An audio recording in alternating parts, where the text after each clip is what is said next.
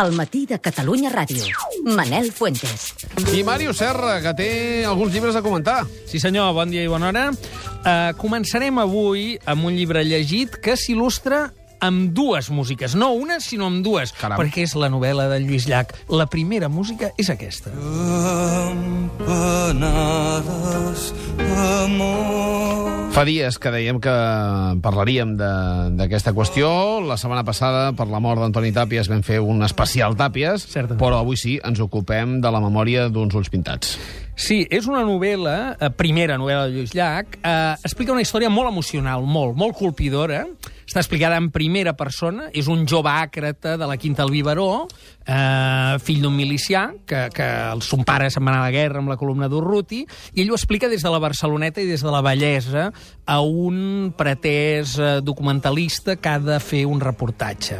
Aquest debut narratiu està en sintonia amb tota l'obra musical del Llach i una mica en l'univers, i per tant agradarà. Agradarà als seus parroquians segur. Des del punt de vista literari, potser presenta pros i contres que intentarem analitzar. No?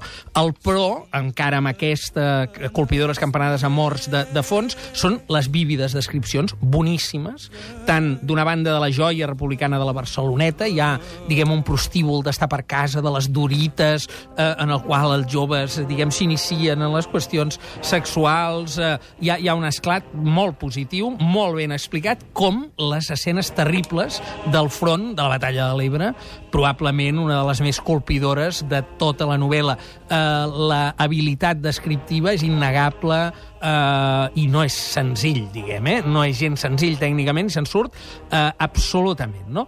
Com a contra, en aquesta primera aproximació, home, mm, tots els personatges són d'una peça. Eh?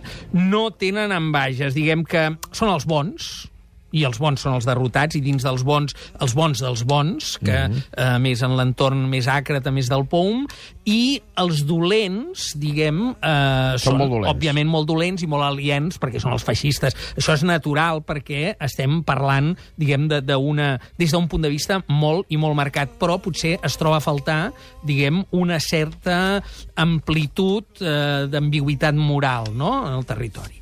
Ara bé, tornem a la part positiva i entrem en la nova il·lustració musical d'un dels trumfos forts també de la novel·la. Com t'ho podria dir perquè em fos senzill i et fos veritat. Memòria d'uns ulls pintats és fonamentalment una història d'amor. És una novel·la d'amor, és una novel·la d'amor entre el Germinal i el David, una, un amor homosexual en el seu entorn àcrata de la Barceloneta, primer amb una colla, que és el de la part joiosa inicial de, del relat, diguem, i després ja ells sols, i fi, fins a un final molt tràgic que no, que no desvelarem, no? Eh, com a història d'amor funciona eh, també clarament, i un cop més, el gran trumfo són les descripcions eh, tant de la descoberta carnal com de la descoberta sentimental, amb un punt de joia en el qual torna a no haver-hi ambages. Eh? Tot és molt joiós i tot és molt poc conflictiu, però realment molt potent, molt colpidor, arrossega, sens dubte, els, eh, els lectors. No? El contra en, en aquest territori, doncs que la narració és ultra explicativa. És molt, molt discursiva, té molts meandres, és pròpia de l'oralitat, si no fos per un model de llengua una mica florida. És clar, aparentment... Home, de fet, el model és aquest, és com una declaració prèvia al llibre, eh? Totalment. És a dir, el llibre és una persona que t'explica la seva vida. En aquest sentit, de vegades s'empantanega com ens passa en els relats orals, no?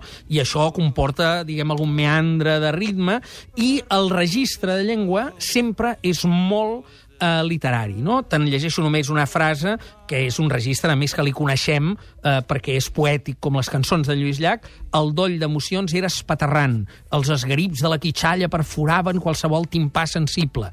En fi, un model de llengua més aviat literari aplicat a l'oralitat. Eh? Ja. Això, de vegades, fa que ens trontolli una mica i que vegis que potser hauria estat... És superflu el fet de que sigui una declaració i podia haver estat un diari, diguem, d'aquest senyor. Mm -hmm. Però bé, això són consideracions tècniques. En definitiva, ens trobem davant d'una novel·la notable, una novel·la militant, una novel·la que reivindica una memòria històrica d'una manera molt determinada, colpidora, amb dibuixos d'una Barcelona també després del postfranquisme, als baixos fons, a la part final, molt interessant, en blanc i negre, del grans descripcions i d'un ideal d'un ideal que no va ser i que és un ideal que molta gent té al rerefons, que és l'ideal dels bons, dels bons d'una Catalunya auto autogestionada, àcrata, eh, i mm, on l'escola era activa i tot era possible, no?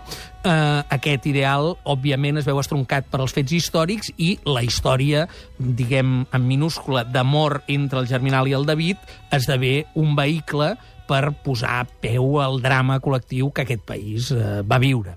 Un notable debut eh, i segur que tots els eh, innombrables seguidors de Lluís Llach en gaudiran.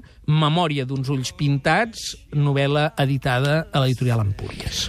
Montesclau? Barceloneta, que és el gran escenari, guerra i tres verbs. Estroncar, estimar i estimbar. Sol i de dol i amb atusta... Sol i de dol, JB Foix. Sí, senyor, mai com ara hem pogut il·lustrar un llibre amb la cançó, el Saldoni Fonoll canta el, el, aquest sonet de Sol i de Dol. Això és la reedició feta a cura de Jaume Vallcorba, que Quaderns Crema treu d'aquest clàssic de JB Foix algú capaç de generar versos com la M'exalta el nou i m'enamora el vell, o acordar la raó i la follia que ens defineixen. Hi ha un pròleg molt esclaridor d'en Jaume Vallcorba, que va treballar, de fet, amb el poeta molts anys, i que hi destaca una argumentació que l'allunya del surrealisme, al qual habitualment l'acosta eh, la crítica, doncs a Foix, i ell, eh, el, és quan dormo que hi veig clar famós, l'acosta a una tradició poètica dels enigmes i les cançons d'opòsits, és a dir, l'oxímoron de dormir, veure i tot plegat. Hi ha una, un enamorat no correspost que veu el món a l'inrevés, perquè està capgirat pels efectes de l'amor. En tot cas, és un clàssic de la nostra poesia, amb una edició molt assequible, sol i de dol a cura de Jaume Vallcorba, a Quaderns Crema. Montesclau? Tradició i modernitat, poesia, sonets i foix.